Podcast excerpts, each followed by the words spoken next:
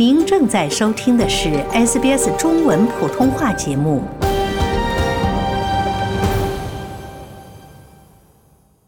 从法律角度看待社会现象，以专家意见指点生活迷津。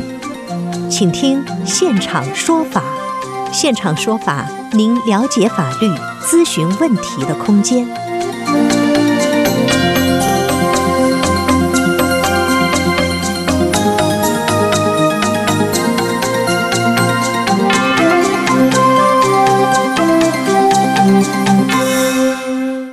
听众朋友您好，欢迎您继续收听 SBS 广播中文普通话节目为您带来的现场说法听众热线节目。近期被曝光的华人区补习班一辅导老师迷奸女学生一案呢，让人震惊。上周五，法院对该案作出判决。在今天的现场说法听众热线节目中，我们邀请朗伦律师事务所 Lauren Legal 的主任律师张卓轩呢，从该案例出发，为您介绍保护儿童免受侵害的知识。欢迎听众朋友拨打热线电话一三零零七九九三二三一三零零七九九三二三，参与节目咨询法律和移民签证问题。首先来连线本期节目嘉宾张律师，您早。喂，张律师您早。喂，您好，主持人。哎，谢谢张律师做客我们的节目哈。张律师在这个案例中哈，嗯，补习老师迷奸未成年人的案件，这是一个。嗯，我看这个法院最终的判决是，他是获刑六年啊。有些评论看说呢，这个获刑的年这个年龄这个年限很短哈。为什么这个施暴者只获刑六年呢？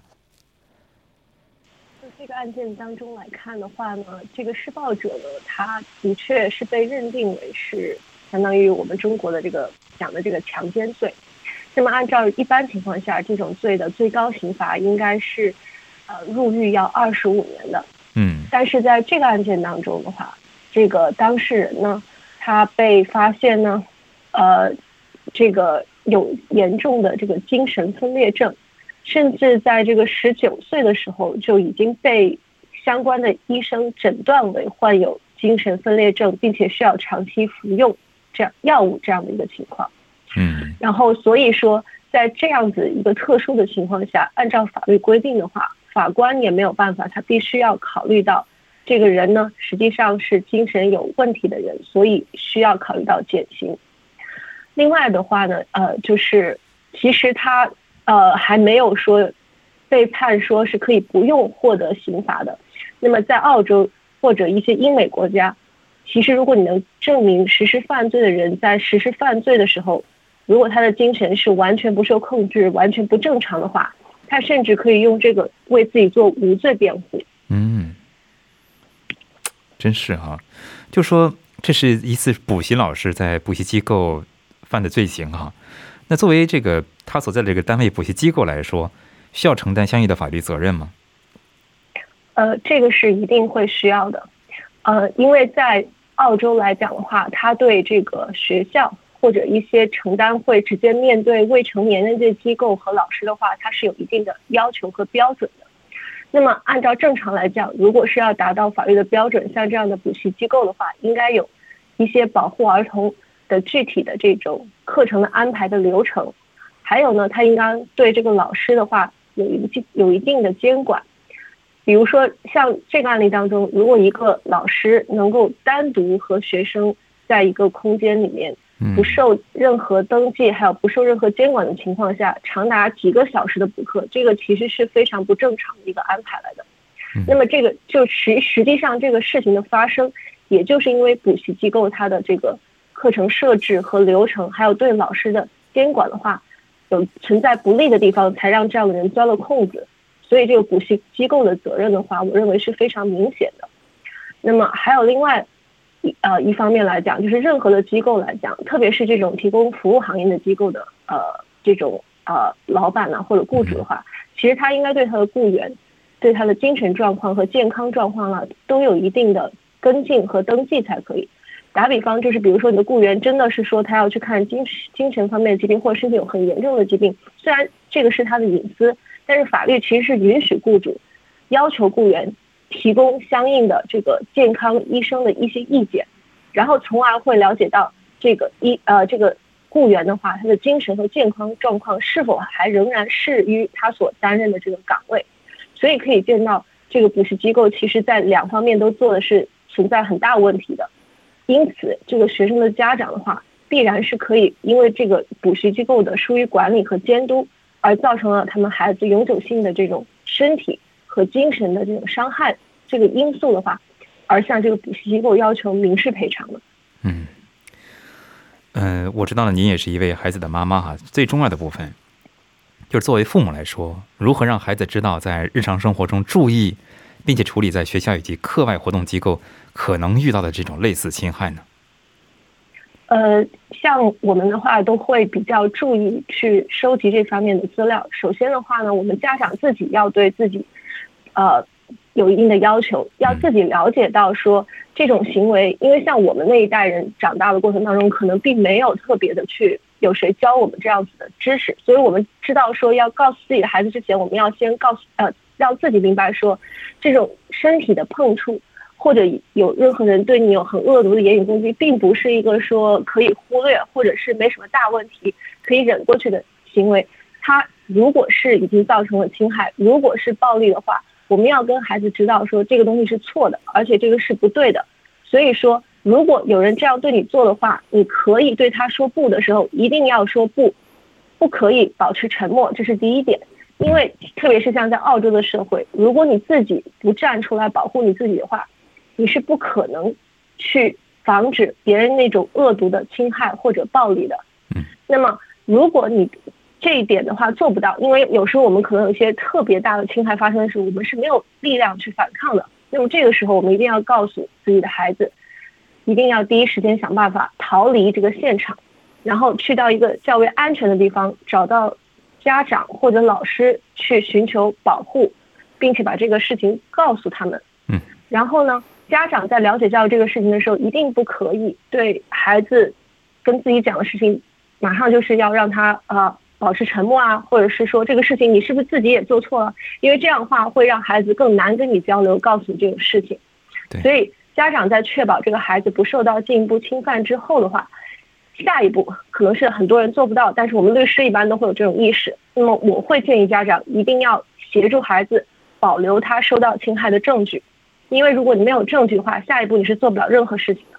那么什么？怎么样去保留证据呢？第一，你要先稳定孩子情绪，然后和他交谈，了解究竟发生了什么样的事情。那么交谈过程中，如果说你没有经验的话，你可以用手机把他交谈过程录下来。如果你有经验的话，你可以把这个交谈过程的话，用这个呃笔的形式记录下来，纸的形式记录下来，然后再重复给孩子听，把相应的细节再丰富一下。之后的话，这个这个东西就是。让孩子和你第一手的这个资料，那么如果非常严重，像这个案子当中孩子受到性侵犯的这种情况，那当然第一时间一定要到警察局去报案，然后让警察去协助记录。那么我也知道有一些警察其实并不是像我们那么信任他有那样的经验或者有那样的专业。那如果你遇到的不是特别，嗯，就是 professional 的这种警察的话，那么我的建议就是像刚刚我建议你自己要保留一些证据，包括照照片、记录过程、录音这些，然后。在如果有这个身体上的伤害，比如淤青啊，或者等等这些，还应当要到诊所第一时间让医生帮你做检查，还有记录这个受伤的情况。那么这些所有都做好了证据准备之后的话，那家长要第一时间把这些证据都保存好，这是很重要的。因为我们之前也遇到过警察做的不好的这样的一个情况。嗯。那么这些证据做好了之后的话，接下来无论你是对对方进行刑事上面的追究，还是说你要对方对你。孩子进行一些民事的补偿，都是非常重要的一个依据。那么有了这些安排的话，那么接下来你可以做的就是要安排孩子去见一些心理医生，或者如果身体上受伤害的话，要及早做治疗。那么这些治疗的话，都是需要这种啊经济上的支持的。那么你获得的这种经济补偿，就是要用在帮助你的孩子去尽早的从那个伤害当中恢复，无论是精神还是肉体上。嗯。非常谢谢张律师的介绍哈，听众朋友，您正在收听的是 SBS 广播中文普通话节目为您带来的现场说法听众热线节目。在本期节目呢，张淑轩律师为您介绍保护儿童免受侵害的知识。欢迎您继续拨打热线电话一三零零七九九三二三一三零零七九九三二三参与节目咨询法律和移民签证问题。嗯，张律师还想问您一个问题哈，就是说，除了通过这个司法途径之外，在我们澳大利亚。还有哪些机构或者团体，据您所了解哈，可以提供保护儿童免受侵害的这个相关的支持呢？呃，就我的了解的话，在澳洲其实是一个，这澳洲这个国家啊，其实相对于全世界而言，对于儿童的保护是最为重视的。所以他们的话，嗯，会认可一个概念，就是说，嗯，在全世界的范围内，到现在为止，对对这个儿童，包括儿童之间的这种侵害或者剥离，其实是并没有解决掉的。所以说，他们非常重视，应该去。怎么样去告诉自己的孩子，教育孩子保护好自己，同时大家共同努力去营造一个零暴力的环境。所以呢，我们可以看到有很多的这种呃，澳洲的反对儿童施暴的这种暴力组织，比如说有一个叫做 Bully Zero 的这么一个民办组织，他们呢会定期的去这个呃孩子的学校啊去推广这种活动，告诉大家什么叫 bully，然后怎么样去保护自己，怎么样能够是。不要让自己去做这样的事情，变成施暴施暴者。然后呢，同时呢，他们还会提供一些心理辅导，还有司法援助，这样对于一些已经受害的儿童呢，提供一些比较免费的资源去治疗他们对这个受这个施暴对他们造成的这种伤害。那么，嗯，然后除了这样子的这这个呃。这这刚刚介绍这个 Bully Zero 民办机构呢，我们知道的还有就是比较呃有名的，它虽然不是针对儿童的，就是那 Beyond Blue，我可我我相信很多人的话都已经在广告上见过。那么它主要是提供的就是说不光是儿童，但是它也有专门的一些，就是会把你接到一些对于这方面儿童受侵害，如果需要心理辅导和疏导，包括家长受害的儿童的家长需要这种呃。知识去怎么样处理这样的问题的话，他都可以提供相应的这个经过培训的人员给你这样的指导。所以说，呃，作为家长而言的话，我我是认为我们应当要去更多的了解这些机构和组织，然后同时可以贡献我们的力量，去在各个方面让大家去了解到对这个孩子的侵害和暴暴暴力的话应该怎么样去处理。非常感谢张卓轩律师的介绍，听众朋友，您正在收听的是 SBS 广播中文普通话节目为您带来的现场说法听众热线节目，欢迎您继续拨打热线电话一三零零七九九三二三参与节目咨询法律和移民签证问题。接下来我们来接听听众电话，这位是 Andy，Andy，您有久等了。哎，你好，主持人。哎，您好，您请讲。哎，你好，主持人，哎，律师，呃，我是呃住在那个维州，嗯，呃，最近呢，我家的隔壁是一块空地，嗯，他们有工人最近在这儿开始盖房子了，嗯，呃，这个样的话，他们应该是有了那个 planning permit 和那个 building permit，呃，然后他们上个月呃把那个篱笆给拆除了一段，嗯，大约有十米左右，呃，我就找到他们。我问他们为什么这么做，他说他们有了那个呃这这个 planning permit 跟 building permit，他们他所以他们有权利把这个呃一段篱笆给拆除，呃原因是他要在这个 boundary 上盖一面那个墙，呃所以啊我我就呃不知道他们这种做法是不是合法，嗯是拆了您的篱笆是吧？对，就是我跟隔壁那个呃就是中间的那个共。共有的那个篱笆。嗯，张律师。哎，您好，Andy。呃，像您这种情况的话，是如果是你们两个呃作为 boundary 的 fence，按照道理和法律来讲的话，你他应该跟你协商，共同来决定这个呃你们的这个 fence 应该怎么修，而且用什么样的材质修。那么虽然他获得了现在获得了这个。呃，council 颁布的 planning permit，但是你作为受影响的邻居的话，你是完全有权利 第一跟他交涉，告诉他说为什么你不同意他这么做。第二的话，如果他拒绝的话，你是呃第一步的话，你是完全可以先到 council 去要求 council 对他的 plan planning permit 做进行修改或者增加 conditions。原因是因为他现在做的行为已经对你造成了什么样的影响，将来会有什么样的影响。但是你在做这一步之前的话，你最好，你他对你造成的不利影响，或者是将来有可能影响，你要有一定的证据，去支持，比如照照片，比如他现在已经造成了你这里哪里的毁坏，或者对你造成了什么样的噪音。因为如果你没有这些证据的话，还是那句话，可能这康索并不会把你这个事情当做一个呃多大的事情。但是如果你去把这些证据给他看，并且告诉他你反对这个 planning permit 具体的原因是什么，要求他对 planning permit 进行修改和增加 conditions 的话，council 是可以这么做的。如果说 council 不理睬您的话，您还可以通过法院诉讼的形式要求对这个上面的一些他的 planning permit 或者这些。你的邻居的行为做出一定的法院上的限制，但是这一步的话，你可能会花费较高的律师费，所以我的建议你是先尝试前两步，如果不成功的话，再考虑是否要花律师费去解去到第三步。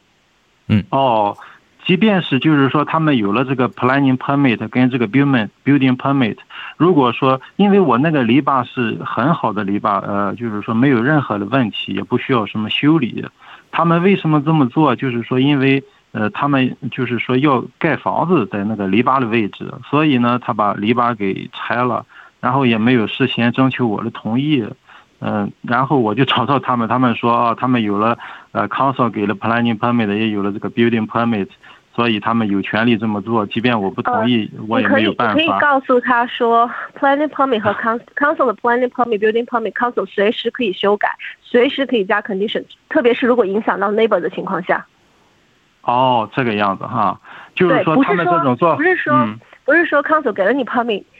其他你是影响到其他人的话，council 不可以取消你的 permit，不可以增加 condition。你当然有权利去跟 council 打官司，appeal council 的这个决定，但是不代表你拿到 permit 这个东西就是一定不可以修改的了，明白这个意思吗？哦，这个样。就我就特别是你知道，特别是在呃墨呃维州墨尔本的话，如果你住的那个区是。富人区的话，那么那些有经验的富人的话，非常喜欢搞 lobby，非常喜欢去跟 council 说，我拒绝这个地方发展什么样的东西。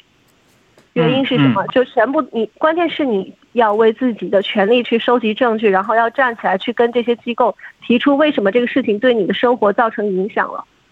对对对，是的，是的，好的，我明白了。嗯啊，对。然然后他们这种做法实际上也是不是也违反了那个 Fencing Act 上面的有关的规定呢？就是在维州的这个 Fencing Act。这个的话，你可以去呃，不不能说它一定是违反。如果你不同意的话，最重要的你还是要去讲说他们给你的这个解决方案到底怎么样去侵犯了你的利益。嗯嗯，如果人家给你说我修好之后我就把这个围栏再给你修好，而且修的比你原来更好看等等，他有一个解决方案的话，那你凭什么不让人家去做呢？嗯，啊，他嗯，他将来不会说把这个篱笆再修好，他只不过我的意思就是说你要去交流交流，要去收集证据，不然的话你凭什么让别人信服你说你你提出这个反对是有合理的理由的呢？嗯，哦，你是这个意思哦。好的，好的，行行，好，我明白了，谢谢，谢谢律师，谢谢主持人，谢谢您，嗯，祝安迪顺利。那么，听众朋友，欢迎您继续拨打热线电话一三零零七九九三二三一三零零七九九三二三参与节目，向我们的嘉宾律师现场咨询法律和移民签证问题。接下来，我们接听下面一位听众，这位是关女士，久等了，关女士。哎，你好，您好，听见吗？能听见，很清楚。哦。哎，好，嗯，我想问一下关于遗嘱的事情。嗯嗯，如果不设遗嘱的话，那比如说我啊去世后，我的财产是不是自动就啊就转给我的子女呢？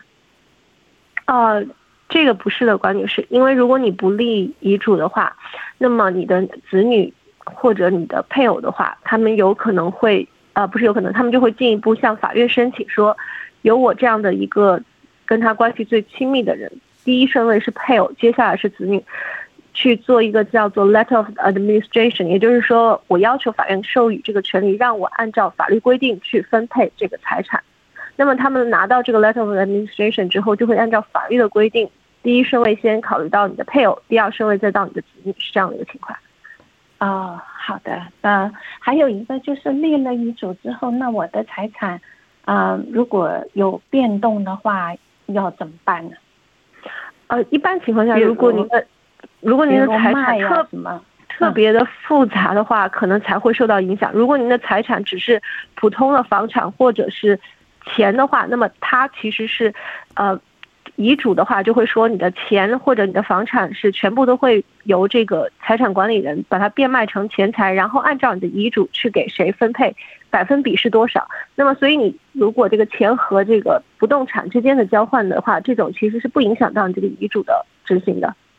哦，好的，那明白了，嗯谢谢。对对对谢谢。但是如果说，比如说您的遗嘱还非常复杂，你有这个电子货币，或者是有一些呃，就是版权这些的话，那么这些的具体的规范，你可能需要让律师专门对这些一些做出一些非常详细的规范，因为这一些呃资产的这个变现的话，并不是像不动产、还有股票、还有这种呃现金、黄金这种这么容易去在这个现金和这个这种形态的这种呃资产之间变动的，所以嗯比如啊像您的什么肖像，如果你有肖像、版税这些的话，那么的确需要让律师对于这些，还有这些电子货币的话，一些特殊的资产的话，要进行一定的约定。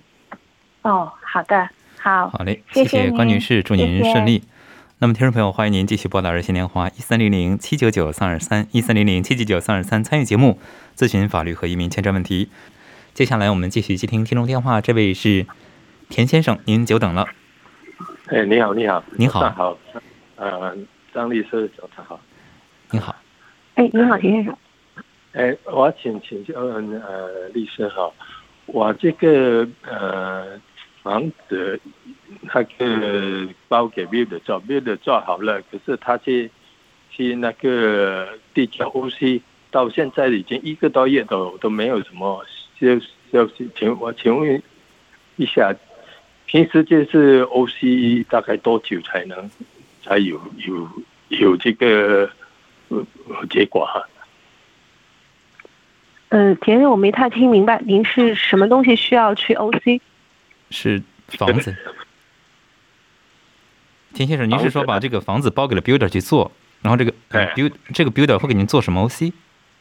不是，不是我哦做做 occupancy permit 吗？您说的是？拍啊，这 occupancy certif certif certificate 是吗？cert certificate certify 是吗？哎哎，验收了，验收了。哦验收现在已经已已经已经很久了，这个呃，我问这个 builder builder 说，呃，他们很忙，嗯、怎么这样？是这样在拉，这样拉时间，嗯呃，平时是大概是多久啊？呃，是这样，先生，这个是没有说一定有多久，特别是现在疫情打开之后的话，的确很多的机构都出现了大量的就是工作积压的问题。但是呢，我的建议是，如果您指的是您要拿这个 occupancy permit 可以住到房子里面，像您说的验收的话，那么您还是需要去多督促这个 builder 去帮你跟进这个事情。然后您也可以试着自己在网上搜索一下有这个一些专门出具这种 occup 就是做验收工作的 occupancy permit 的这些机构，你可以直接打电话去问他说，现在他们有没有 availability，就是有没有时间帮你做你这个房子的验收。如果这个机构说有的话，你可以直接找 builder 说，你能不能找这个机构帮我做这个验收，出这个 occupancy permit 这样的东西。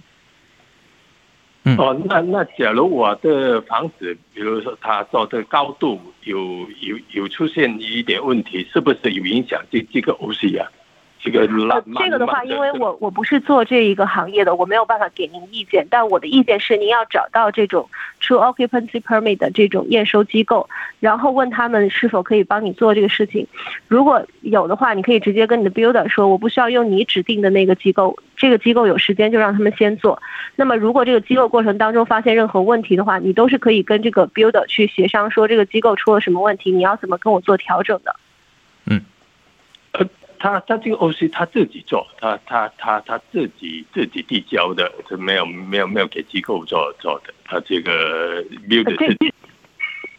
这个我没有办法跟帮您回答这个问题，因为呃，任何的 builder 的话不存在自己做的问题，大多数的 builder 都不会有这种自己的机构，他肯定是跟他之前一直合作的这些机构一起做这个事情的，所以这就意味着他可以去找别的机构帮他做验收的这个事情。嗯，所以说我的建议是不是说你不让他做，而是你要找另外一个机构跟他说，别人都有 availability，为什么你没有？没有的话，你就不你就不要让我一定要用你的合作伙伴的服务，我可以用其他人的服务。嗯，就是这个意思，哦你就是要用这个事情去逼他，让他尽快跟进这个事情。嗯哦哦，那那假如是他他比如说这个房子的造了有有什么问题，这个这个是呃，应该 builder 要负责吧？是不是？呃，具体要看是什么样的问题。如果是结构性的问题的话，他一定是要负责任的。嗯这个比如说他他的图语呃降高，然后他做到没有降高，会不会导致不通过这这个延延迟的的问题？会不会这个这个我没有办法回答您，因为我不是这方面的专家。你要是想知道它是否能是它的结构性问题，像我们如果去诉讼的话，都是要请专家出报告的。所以你就去再找一个专门做 building report 的人帮你做业，就是这个房屋结构的这个勘测，告诉你说他给的意见是说这个房屋是不是存在结构性问题。嗯，好的，田先生，祝您顺利哈，您找一下验验收的人。接下来我们接听下面一位听众电话，这位是 Angela，Angela 您好。哎，您好，主持人，我想问一个关于房子的问题，就是我一楼租的是一个商铺。然后呢，二楼是一个餐厅，但是在我一楼和二楼中间的棚顶会经常发霉和漏水。然后我想问，这个我是应该找二楼的餐厅呢，还是应该找我们的屋主？呃，所以您是住在一楼是吧？对，我是住在一楼，我是一楼的商铺。嗯，然后您遇遇到的问题是楼上的这个渗水问题导致你下面。嗯，呃，我我我的建议。我的建议是，您应该要找房东，因为您是租客，对不对？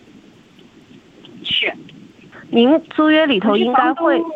您您租约里头应该会写什么样的问题是由租客负责，什么样的问题是由房东负责。那听您这么讲的话，是因为他房屋结构应该这个漏水问题的话，应该是由于他房屋结构导致的，你漏水。那么我认为应该房东的责任会更大一点。然后你可以去找律师帮你看一下具体你的租约是不是这么规定。但我的经验来讲，一般像这种结构性的问题的话，就房屋结构导致漏水的话，应该由房东来负责解决。所以你就应该跟房东讲说，你现在实际上按照租约来讲，没有提供一个适合我做生意的这个环境。然后你这个漏水的问题的话，呃，当然你最好要找一个就是人去帮你，就像刚刚那位先生一样，就是你要找一个。在这个房屋结构方面有经验的人去帮你做一个报告，或者是至少出信证明说这个是房屋结构导致的。然后因此根据这个租约来讲的话，是由你房东负责的。所以说我要求你赔偿我，如果不是的话，我们可能可以去这个，您是在新州的话就去 n a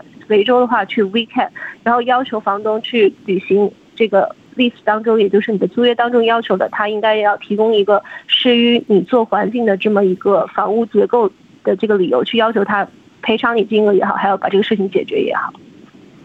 嗯，对，我是有给他写过邮件，然后就说要呃说明了这个问题，然后房东说也是这个因为楼层防水的问题，但是他跟我的邮件解释是说，呃这个位置在二楼的餐厅，那如果想修复它，那二楼餐餐厅要停业，然后要大规模的修，然后二楼餐厅不愿意，他们也只能说等，可是。这个就是他让那您跟房东，那您需要，这就为什么我就跟您说，您需要跟房东讲说，这是你的责任，跟我没有关系。嗯。哦，您明白吗？是我就直接讲，跟你没有，这是你的责任。对，你就这为什么你需要找一个律师，然后那个律师帮你看租约，租约上如果非常清晰的是说结构问题是由他负责的话，那么。你是需要，你就跟他说这是你的问题，不是我的问题。我现在你对我造成影响，你就要去修复。那么具体你怎么样跟餐厅解决问题，是你们两个之间的问题。好嘞，由于时间关系，就不得不打断了。呃，先祝安子了，祝安子了顺顺利哈。非常感谢听众朋友们两个小时的陪伴，也非常感谢张卓轩律师做客本期的现场说法听众热线节目的支持。那么，听众朋友，因个人情况因人而异，法律问题复杂，本节目呢仅供一般性参考，并无意提供任何个案法律建议。具体法律纠纷，请您咨询专业的律师。以上就是今天的普通话节目。没有今天问的听众，欢迎您在下周二同一时间拨打热线电话一三零零七九九三二三，向律师咨询专业的呃法律和移民签证问题。我是刘俊杰。了解澳洲，融入澳洲，欢迎登录 sbs 点 com 点 au 前斜杠 language 前斜杠 mandarin。获取更多澳大利亚新闻和资讯。